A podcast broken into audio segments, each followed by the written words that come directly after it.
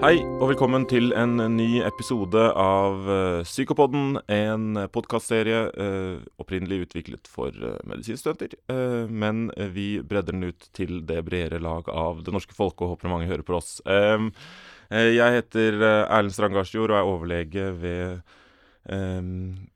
Klinikk psykisk helse og avhengighet ved Universitetet i Oslo. Eh, og skal lede denne episoden eh, som skal handle om eh, legemiddelassistert rehabilitering. Eh, og for å hjelpe oss med å forstå hva, mer om hva det handler om, så har vi med oss Thomas Clausen. Du er professor og leder for Senter og rus- og avhengighetsforskning, SERAF, ved Det medisinske fakultet på Universitetet i Oslo. Velkommen hit, Thomas. Takk for det. Ja, og Thomas, da. Eh, legemiddelassistert rehabilitering, på folkemunne ofte bare omtalt som LAR. Eh, hva er det for noe? Ja, det er eh, Ordet sier det lite grann. Det er en behandling av opprinnelig i hvert fall, heroinavhengighet med noen legemidler. og det er vanligvis koblet sammen med psykososiale tiltak med formål om rehabilitering eller stabilisering, sånn at pasientene kan fungere eh, i, i livet bedre. Nettopp. Og vi, så det er da og Du sier heroinavhengighet, men det er, det er liksom opiat Opi, op ja, opioider eh, og morfinlignende stoffer. Så, sånn at avhengigheten til uh, ulike type stoffer, hvis man først har, har blitt avhengig av det, så, så, vil denne behandlingen fungere. Men det opprinnelige uh, var heroinavhengighet, mens i dag så er det jo også mange som, som kan bli avhengig av sterke smertestillende opioidbaserte piller, som, uh, som, også i prinsippet kan kvalifisere for LAR. Ja, ok. Så kanskje vi Ja, nettopp det er fint å ta litt sånn innledningsvis her rundt dette med opiatavhengighet. fordi det er da uh, Hvor mange er det som rammes av det i i Norge i dag? Sånn, hva, ja, vet vi om det? Altså det å, å ha helt nøyaktig eh, opp, oppgave for hvor mange som er avhengig eller har problemer med det, det, det er jo vanskelig. Det vet vi ikke. Eh, det har vært estimert for Norge at det er i størrelsesorden 10 000-12 000 som har problematisk eh, opioidavhengighet for Eh, og gjerne de illegale opioidene, da, og heroin, eh, og eller injiserer, sånn at det er i den størrelsesorden, 10 000-12 000 kanskje i Norge. Eh, og så har det nok de senere årene vært en økning i antall for folk som har utviklet avhengighet til de sterke smertestillende pillene, som nok kommer i tillegg. Mm. Nettopp. Og da Uh, og hvor mange av disse 10 000-12 000 Eller kanskje da, med, eller da kanskje vi er, de er sikkert flere enn det. da, Hvor mange av disse er det som er innskrevet i LAR? da? Nei, I dag, altså, eller ved utgangen av 2020, så var det rett over 8000 uh, LAR-pasienter i Norge. Og det har økt litt år for år. Um, Riktignok litt mindre økning hvert år de siste årene. Fra dette begynte som en nasjonalt tilgjengelig behandling i Norge i 1998. Nettopp. Det, da leder du oss litt inn på historien, eh, Thomas. fordi hvor eh, Når er det dette blir introdusert som en behandlingsform? Eh, ja, Kanskje internasjonalt først? da? Ja, vi kan begynne internasjonalt. og altså Behandling av avhengighetslidelser, inklusive opioidavhengighet, Eh, var opprinnelig og, og, og, i etterkrigstiden og frem til 60-tallet var basert mye på psykososiale intervensjoner. Man kunne bo i, eh, i, i terapeutiske samfunn eller sånne bofellesskap på en gård. Eh, og, og, skulle lære seg å bli både rusfri og, og, gjerne lære seg noen yrkesrettede aktiviteter. Og så så man at særlig for heroinavhengighet at mange Eh, ikke klarte enten å gjennomføre behandlingen eller hadde tilbakefall nokså raskt etterpå. Så den, den eh, medikamentfrie behandlingen hadde ikke noe stor suksess. Og så kom det eh, i, med, med, utspring i New York, faktisk, på 60-tallet, en ny behandling hvor man begynte å behandle med metadon. Et, et opioid, et morfinstoff, egentlig, også. Um, og fra det så, ble det utviklet en, en modell som ganske raskt eh, i noen land ble eh, tatt i bruk, så, sånn omtrent som vi kjenner LAR-behandling i Norge i dag. Så i Sverige f.eks. Eh, så begynte man bare en par år etter at man hadde etablert dette i USA. Så, så fortsatt på 60-tallet så, så, begynte man faktisk med denne behandlingen i Sverige. Mens i Norge så, så var det ganske mye debatt og diskusjon rundt det, og en periode var det forbudt. Eh, Helsedirektoratet den gangen hadde forbudt bruk av metadon i behandling av heroinavhengighet, men så eh, ble det etablert som en nasjonal behandling i 1998, og det var delvis forklart ved hiv-epidemien som var den gangen, blant injiserende brukere. Og så ble dette et tiltak for å prøve å bremse det. Men så har det siden jo da vært en, en behandling for, for opioidavhengighet, og, og, med økning hvert år. Mm. Så i Norge så er da historien med legemiddelassistert rehabilitering den er litt over 20 år gammel. Ja. Eh, skal vi men så er, For det, det er jo Det går kanskje an å si noe om at det er da den historien kan også deles i to, i hvert fall hvis man tenker med en sånn eh, hva som eksisterer av retningslinjer og forskrifter og sånne ting. Eh, vet ikke om du vil si litt om det? Ja, altså til å begynne med så, så ble det da besluttet å starte LAR-behandling eh, i, i, Norge, men, men, hvor utgangspunktet egentlig var en ganske stor motstand mot det. Eh, og hvor det alternativet var den medikamentfrie behandlingen, og, og, målet var at man skulle bli rusfri og liksom kvitt uh, avhengigheten. Og så er det nok en del som ser på det at ja, her bare erstatter vi et uh, stoff med et annet, og man, man beholder avhengigheten. og det, det, har vært mange og lange sånne diskusjoner opp igjennom, men, men, men med det utgangspunktet at det var Eh, såpass strengt og, og, forbudt med metadon, så ble også programmet man designet og lagde, det ble ganske strengt. Og, det som vi har beskrevet som høyterskel Man måtte være minst 25 år, man måtte dokumentere minst 10 års opioidavhengighet. Eh, og hvis det var mm, man, man, ikke klarte å følge reglene i programmet, så risikerte man å bli skrevet ut mot sin vilje osv. Så, videre. så det var et ganske sånn strengt og begrenset program de første årene. Eh, og også de første årene så, så, var det ganske syke folk som hadde virkelig lange rusbrukskarriere bak seg, som kom inn i, i programmet, og som også da hadde høy sykelighet og dødelighet. Um, og, og, det har jo vært, uh, altså fra det ble et nasjonalt program, så har det hele tiden vært uh, i og for seg retningslinjer og forskrifter og regler rundt det, men mens det kom en revisjon uh, av reglene i 2010, og hvor hovedoverskriften på den revisjonen var en slags normalisering av behandlingen. Og en god del av de strenge retningslinjene ble fjernet, sånn som dette med aldersgrense, eh, krav til antall år med avhengighet før man kunne få behandling osv. Som, som jeg, jeg, tenker er veldig bra. Det, det er jo um, For de fleste sykdommer så det å la folk liksom tvinge de til å først være syk i ti år før man kan gi dem behandling, det, det gjør noe med prognosen. Så, sånn at det uh, har gjort at programmet har eh, vokst raskere eh, og beholdt flere pasienter. Nå er det f.eks. Nesten ikke venteliste på behandlingen. Eh, og, og, det er nesten ingen som skrives ut mot sin vilje lenger av programmet heller. Sånn at det, det rommer mange flere. Døren er blitt høyere og videre nå inn i LAR enn, enn hva det var til å begynne med. Mm. Jeg bare slår meg at dette har liksom også uh, skjedd parallelt med at også det med en egen spesialitet innenfor rusmedisin har uh, materialisert seg også. Altså Det er en generell utvikling i det i rusfeltet, og kanskje som blir mer medisinsk. og eller i hvert fall hvor, med, hvor, det medisinske hjelpeapparatet da, også trer inn i større grad på banen også i Norge. Er det riktig å jo, forstå? det er også sant. Så det er en annen sånn eh, overordnet på samfunnsnivå endring som har skjedd. For det var vel fra 2004, hvis jeg ikke husker feil, så, så var det en sånn rusreform i behandlingsapparatet hvor hvor avhengighetsproblematikk fram til da stort sett var uh, håndtert i sosialvesenet. Og så fikk eh, ruspasienter og LAR-pasienter uh, Altså de ble pasienter og en del av helsevesenet fra 2004.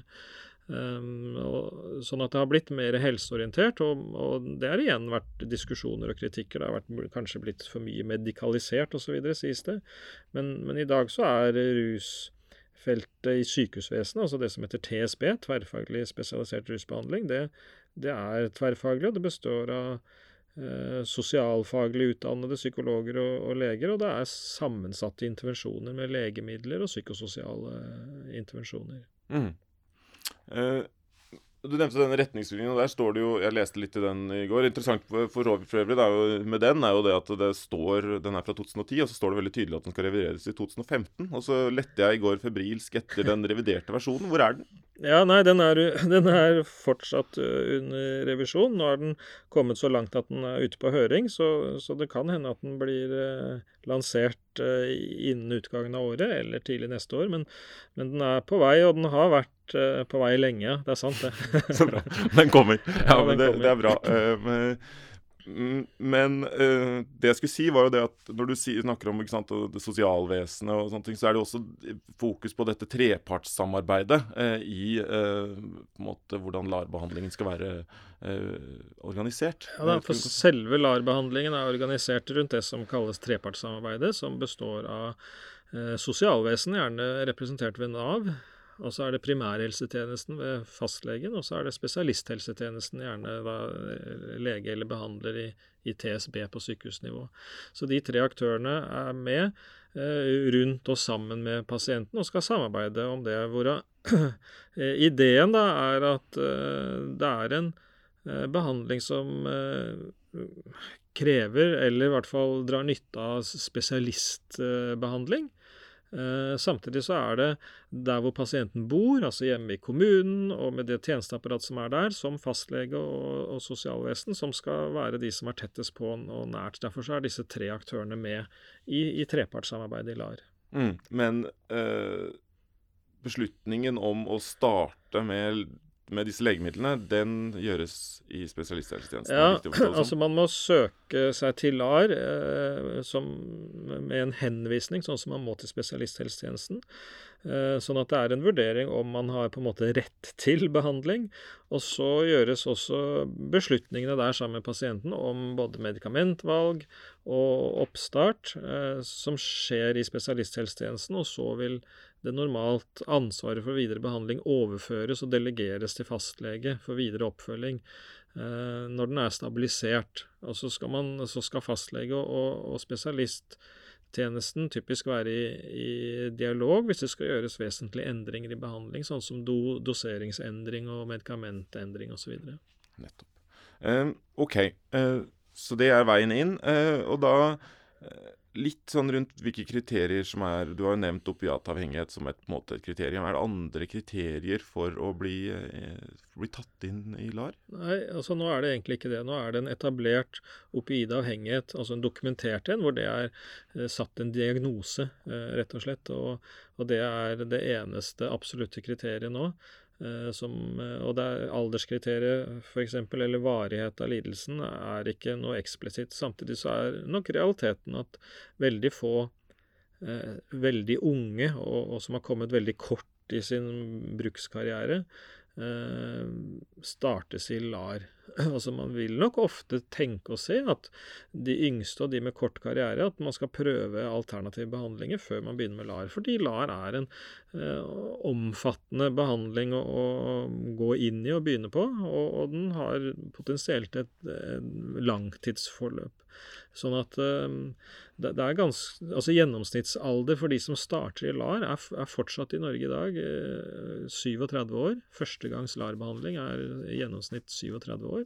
Mens vi vet når vi snakker med LAR-pasienter, så er jo debut med heroin eh, rundt 20 år. Så egentlig så har man gått 15 år pluss før man kommer til første LAR-behandling. Ok, Så det er fortsatt sånn at det, må, det er ofte en så lang ruskarriere før du blir eh, Nettopp. Ja. Ja. Mm. Og det skulle man ønske men er du der hvor du skulle ønske at det var uh, For du, nevnte jo det ville være en negativ prognostisk faktor, da? Ja, altså det å gå med ubehandlet på en måte sykdom eh, lenge er jo ofte ikke noe positivt. Samtidig eh, så er man, som jeg var inne på, litt forsiktig med å være sånn superaggressiv med å, starte denne behandlingen på de helt unge. Men at i mine øyne det hadde vært en fordel om flere hadde startet og blitt stabilisert i behandling tidligere enn liksom 15 eller 17 år etter at de debuterte på heroin, at det hadde vært eh, hensiktsmessig for mange. Man ser at de er sånn sett blitt kommet inn i, i nokså sånne negative, kroniske forløp eh, når man kommer dit hen at man eh, søker seg til LAR.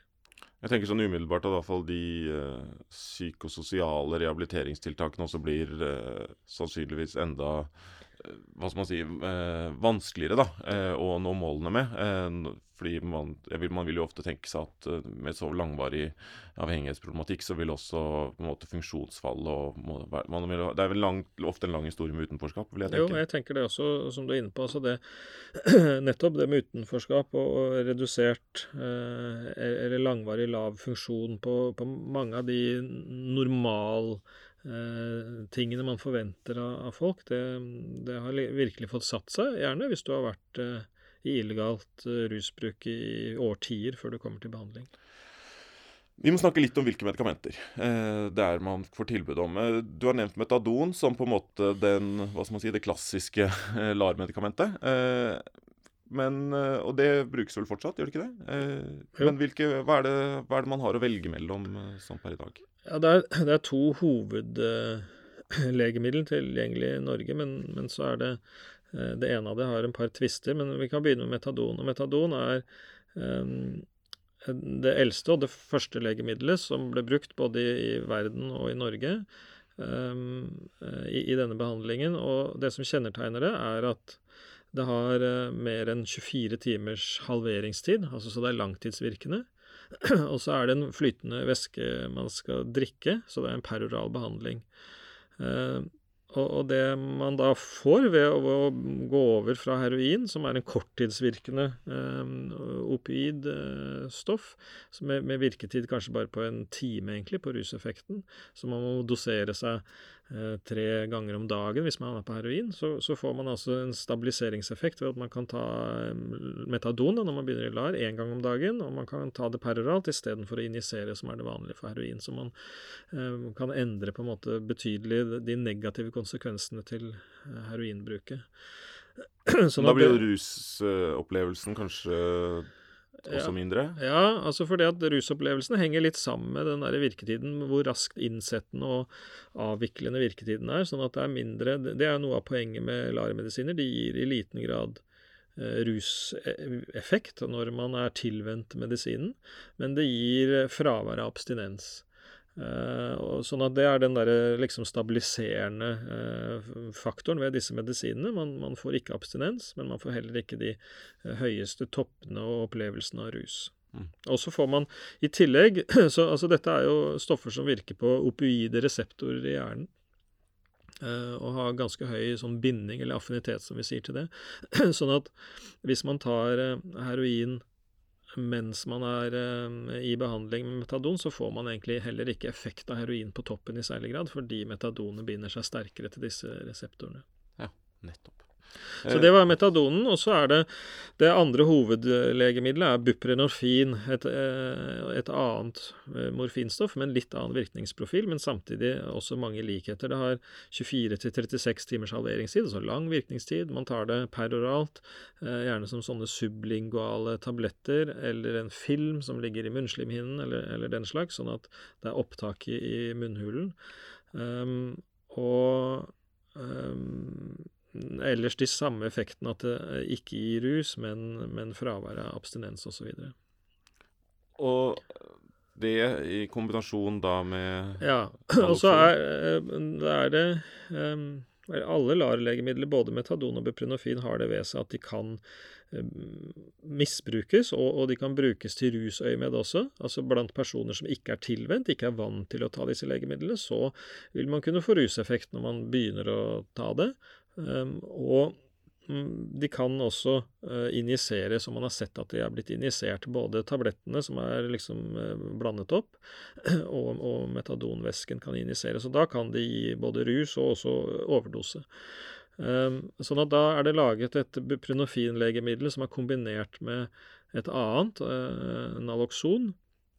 Sånn at det er kombinasjonen buprenofin-naloxon. Og, det legemiddelet uh, er, er da laget sånn at man ikke skal kunne få Eller man får veldig lite eh, effekt uh, av opioidstoffet ved injeksjon særlig. Altså da virker naloksonen når man injiserer det, mens det er lite opptak av nalokson når man tar det peroralt, sånn som man skal. Sånn at da er det lite effekt av det tilleggsmedikamentet, men det skal beskytte eller hindre injeksjon, egentlig. Så det er en sånn risikoreduserende tiltak med den medisinen som uh, gjør at det ikke skal brukes på feil måte, og helst heller ikke av andre enn en de tiltenkte. Skal være mindre attraktivt eh, å omsette illegalt.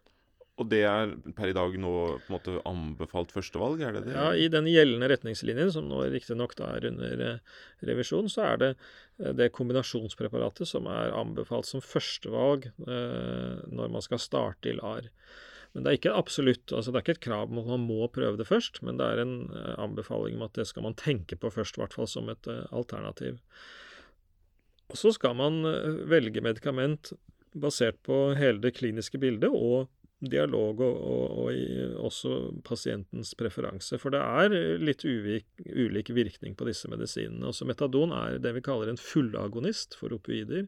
at det har en, en rettlinje sånn doseeffektkurve, mens buprenofin er en partiell agonist og har et eh, såkalt liksom ta, en takeffekt hvor, hvor eh, en del av opioideffekten ikke ikke er lineære på samme måte, og som gjør at uh, det å, å, få respirasjonsstans og overdose er noe man i mindre grad får på buprenorfin enn på metadon, f.eks.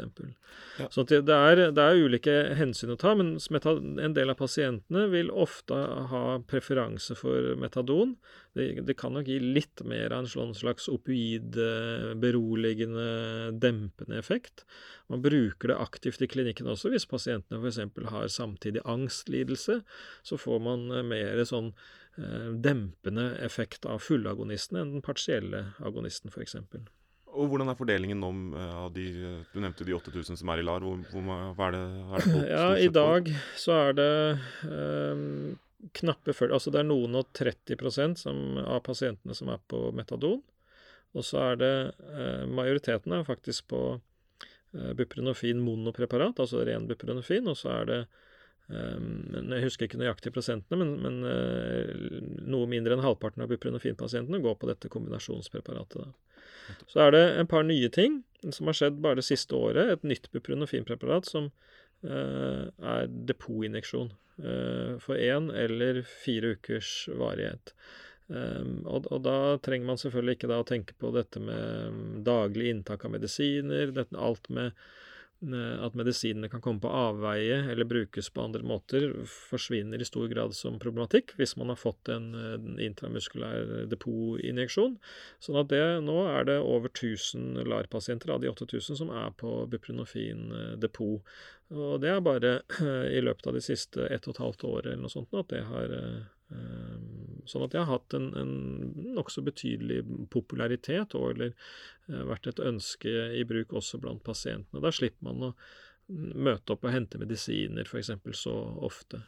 Og man har, man har sett og vært eh, altså Ikke minst det siste året eh, så har det vært i betydelig bruk og i oppstart av nye pasienter, for det reduserer jo behovet for regelmessig klinisk kontakt. Ja, og for der er vi inne på et eller annet med at For det er jo ganske strenge regler knyttet til dette med Pga. misbruksfare, eh, så er det jo eh, en del regler knyttet til utlevering og observasjon av inntak og ja. Jeg vet ikke om du kan si jo, litt om altså LAR-behandlingen er Jeg pleier å si at det er en Det består i en balansegang mellom tilgjengelighet av behandlingen, som kan være på en skala fra høy til lav, altså det, og vi vil at det skal være høy tilgjengelighet og så er det en annen skala, det er sikkerhet og forsvarlighet, medisinsk forsvarlighet i behandlingen. Den kan jo også være høy og lav, og den skal også helst være høy. Og så er det brukermedvirkning og pasientmedbestemmelse som også kan være høy og lav, og den skal også være høy. Men det er sånn at hvis vi prioriterer en av disse ekstremt høyt og sier at den skal være absolutt høy, så vil det gå utover de andre dimensjonene som blir relativt sett noe lavere. Så derfor så gjelder det å finne en balanse mellom tilgjengelighet, brukermedvirkning, men også medisinsk forsvarlighet og sikkerhet i denne behandlingen. Og og det med sikkerhet, og som ofte omtales som kontroll, men jeg, jeg liker å snakke om sikkerhet i behandlingen, det er eh, at man skal være trygg på at det er pasienten som får medisinen i seg. Altså at den kommer i riktig munn, og aller helst på, på riktig måte. Eh, og, det, eh, de tiltakene rundt det handler om eh, utlevering av medisin, og alltid i begynnelsen av LAR så er det daglig observert inntak av behandlingen.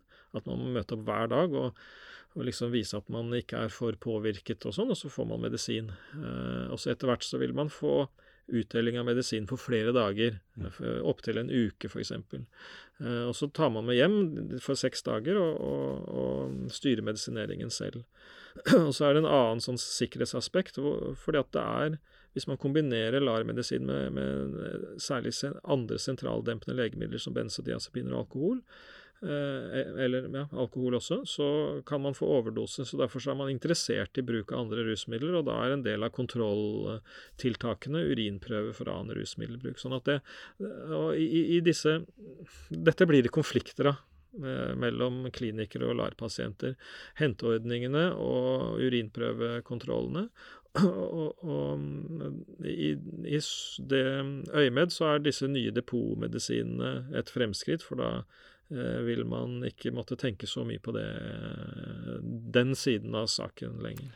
Men er, er også sidemisbruk, altså du snakker om uh, benzodiazepiner og alkohol, også et mindre problem uh, når du står på dette depotpreparatet? Nei, det er det ikke nødvendigvis. da, og Det kommer med utfordringer, for det er ikke nødvendigvis mindre av det. Mm. Og, og, det som skjer når man gir depotmedisiner for en måned av gangen, er at pasientene har i hvert fall ikke nødvendigvis grunn til å møte opp hos behandler så ofte som før lenger.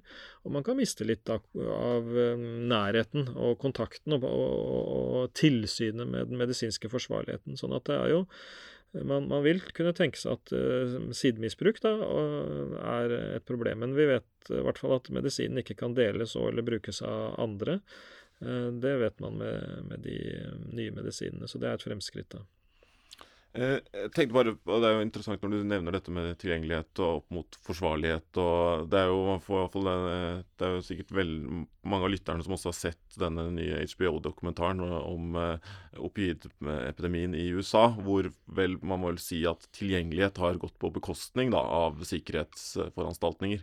Og Det minner jo på en måte om uh, hvor viktig det er at vi også på en måte uh, hva skal man si, har disse sikkerhetsforanstaltningene. da. Ja, og det, altså det er jo tilgjengelighet av legemidler og eller potensielt rusmiddelet i samfunnet som har gått helt uh, av skaftet da, i USA, hvor de har delt ut store uh, kvanta av sterke, potente smertestillende piller til uh, folk hvis de kunne nikke når noen spurte om de hadde vondt et sted. og så kunne de få med seg 100 sterke smertestillende hjem, på en måte. Kan jeg spørre deg om det, for det, for det, er jo litt sånn i tiden da, pga. denne dokumentaren. og er, er, Hvor stort er det problemet i Norge med, altså med disse potente smertestillende medisinene og avhengighet knyttet til det? Eh, har vi noe oversikt over det? Vi er eh, noen eh, av oss, meg inklusive, som er litt bekymret for den utviklingen vi har sett i Norge også over de siste ti årene. Vi er ikke der at vi, vi ser amerikanske tilstander i Norge. Men det har vært en eh, kraftig økning av bruk av de, ikke minst de sterkeste pillene, altså oksykodon eller oksykontin, altså akkurat dette legemiddelet som har vært mest i, i søkelyset i USA, eh, i Norge også. der. Eh, og 50 000-60 000 som får dette hvert år i Norge nå. Mange får det på blå resept, sånn at de får det uten betaling, og de får det hver uke og hver måned gjennom eh, mesteparten av året for kroniske smertetilstander. Og det er en ny måte å behandle kroniske smerter på som vi har sett de siste ti årene, og det har økt kraftig. Eh, I seg selv så er ikke det bekymringsfullt hvis alt gikk bra, men det som vi parallelt har sett, det er at uh, overdosetallet i Norge nå er dominert av piller som årsak. Så det er flere pillerelaterte overdosedødsfall i Norge enn heroindødsfall, og det har det vært de tre-fire siste årene. Ja, for hvor mange er det sånn cirka, som dør av uh, opiatoverdoser i Norge? Ja, altså det, det har ligget faktisk nokså stabilt. Det er riktignok en sånn sagtakket kurve de siste 15 årene. Uh, antall overdosedødsfall i Norge rundt 260. Uh, og så svinger det litt fra liksom 230 til 270 og sånn. I fjor var det to, eller i 2019 var det 275, mens i 2020, de tallene kom nå nettopp, så var det over 300 igjen, som, som er et høyt tall og bekymringsfullt tall. Sånn det er en utvikling hvor det kanskje har økt uh, noe over tid. Samtidig så, så svinger dette tallet uh, litt fra år til år, så vi må være litt forsiktige med å si at 2020 eh, var en dramatisk økning, men allikevel så Det som kjennetegner bildet, er at det har vært et skift fra at i år 2000 nesten bare var heroin som forklarte disse dødsfallene, til nå at heroin bare mm, forklarer 20% eller noe sånt. Og så er det piller og andre ting som, eh, som dominerer bildet. Sånn at, og, og LAR-legemidler. Eh, det har vi jo også, det kommer som en konsekvens når 8000 får LAR-legemidler, og mange av de har med mange doser hjem og, og, og, bruker det, eh, og kanskje til og med deler det med andre, så blir det også noen dødsfall av LAR-legemidlene. Sånn at det kommer med en sånn konsekvens til å introdusere et LAR-program. Ja, men, men det, det har, forhåpentligvis så har også LAR en effekt på å redusere antall uh, overdosedødsfall? Ja, og, og, det har vi beregnet. Altså overdosedødeligheten faller til ca. 20% fra den tiden man er utenfor LAR, til å være i LAR. Mm. Sånn at det er en betydelig overdosereduserende effekt. Og, med de 8000 vi har i, LAR i Norge i dag, så, så, er beregningene våre at det er mellom 100 og 150 eh, overdos, nei, ja, og dødsfall, overdosedødsfall som bespares hvert år som følge av LAR-programmet. Mm. Um, men så er det også noen uh, metadonrelaterte, særlig uh, overdosedødsfall. Ja, sånn at det kommer på en måte på utgiftssiden i regnskapet, eller, eller, eller det er uh, da verdt, og, og, og, i noen grad økning også, da, parallelt med, med økning i bruken, metadon og også buprenorfinrelaterte dødsfall. Så, men, men, det er i mindre størrelsesorden enn den besparelsen, så, så kanskje den liksom netto besparelsen er noe over 100 dødsfall i, i året man besvarer, besparer med LAR-programmet på en måte. Ja. Så Sånn sett så er det en stor suksess. og det vi også ser i tillegg i LAR i Norge, det som er et kjennetegn blitt med LAR-populasjonen, er at det er en aldrende pasientpopulasjon. Nå er eh, over en tredjedel 50 år eller eldre. Eh, denne gruppen ubehandlet, og, og, for 20 år siden de døde i 30-årene av overdoser.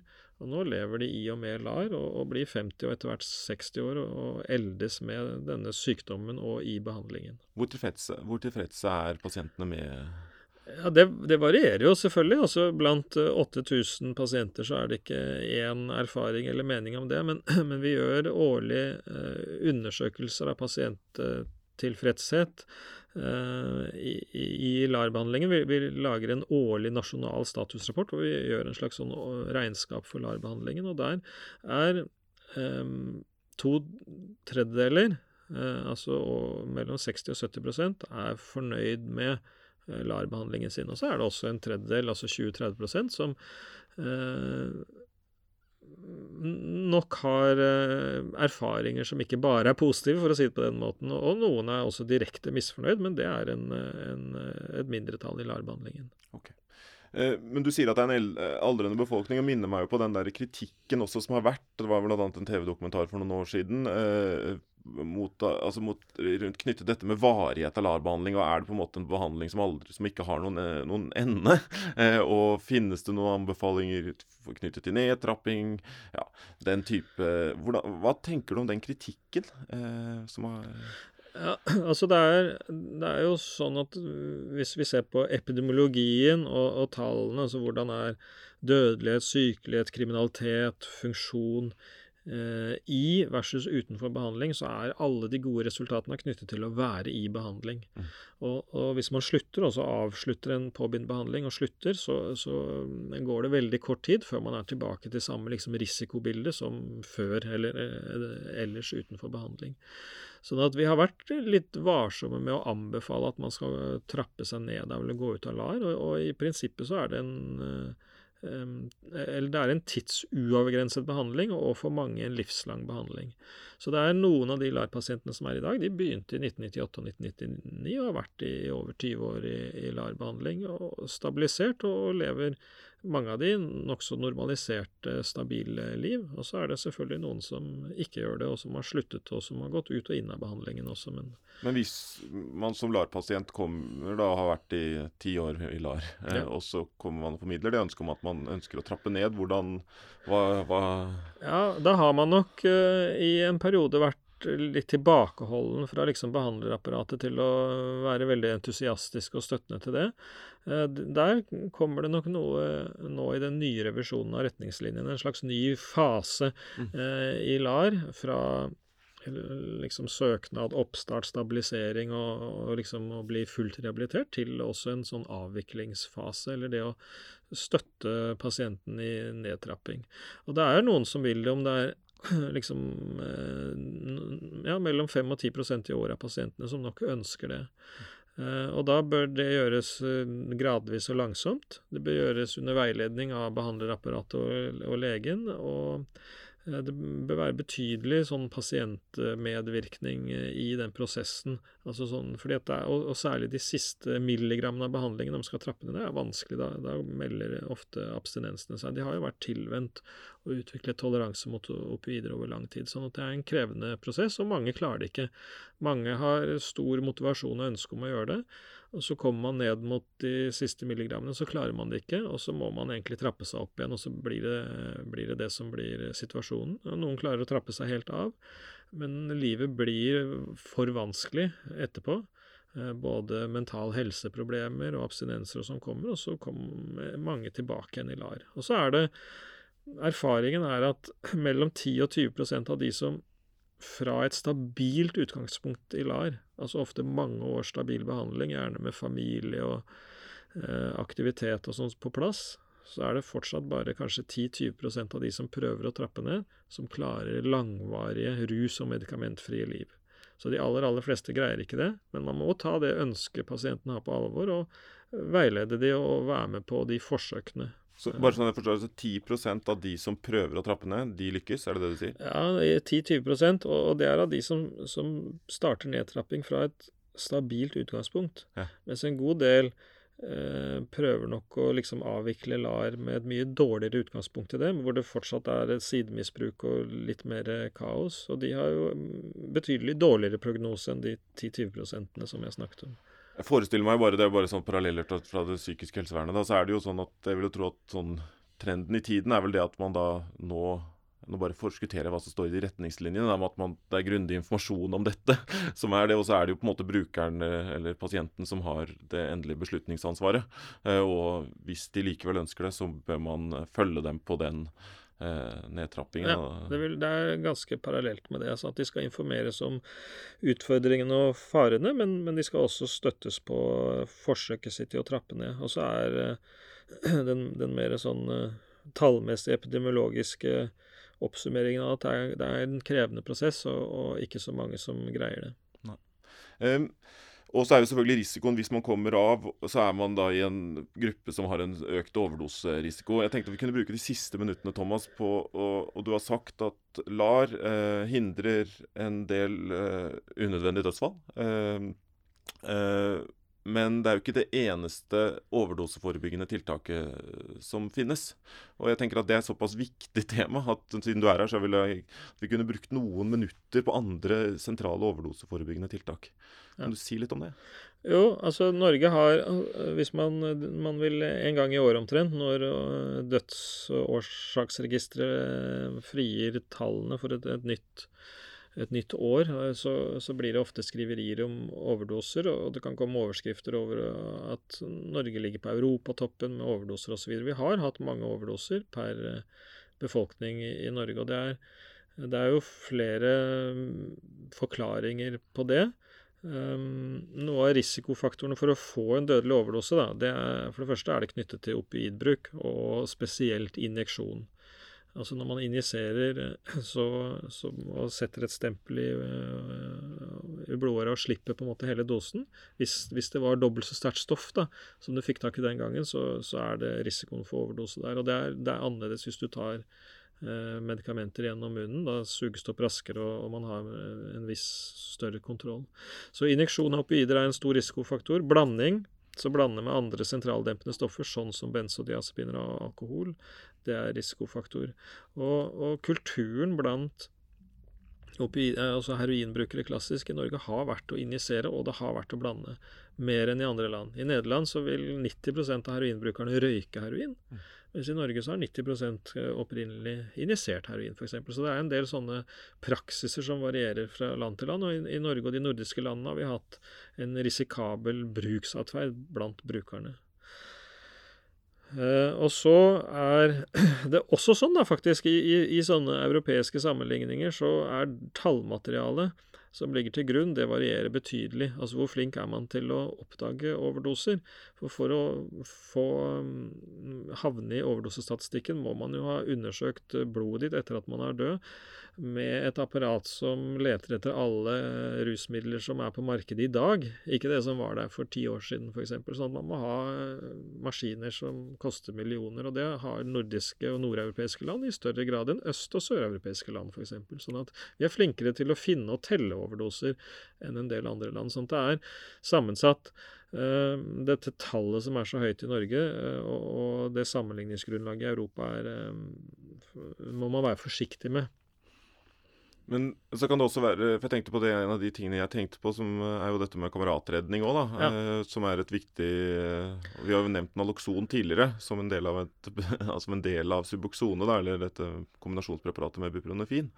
Men det er jo også et sentralt overdoseforebyggende tiltak. Ja, jo, for det, det, med at vi har hatt disse overdosene i et nokså stort antall i veldig mange år, så har myndighetene og regjeringen de har lansert en nasjonal overdosestrategi. I, I, 2014 gjorde de det første gang.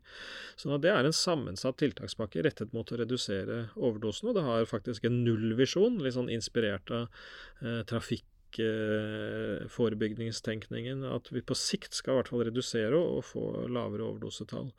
Og, og, det er flere tiltak der, men ett av de sentrale er dette med, med kameratredning og å gjøre Naloxon tilgjengelig for brukere av rusmidler. Eh, sånn at de kan redde en kamerat eh, hvis de ser noen har en overdose.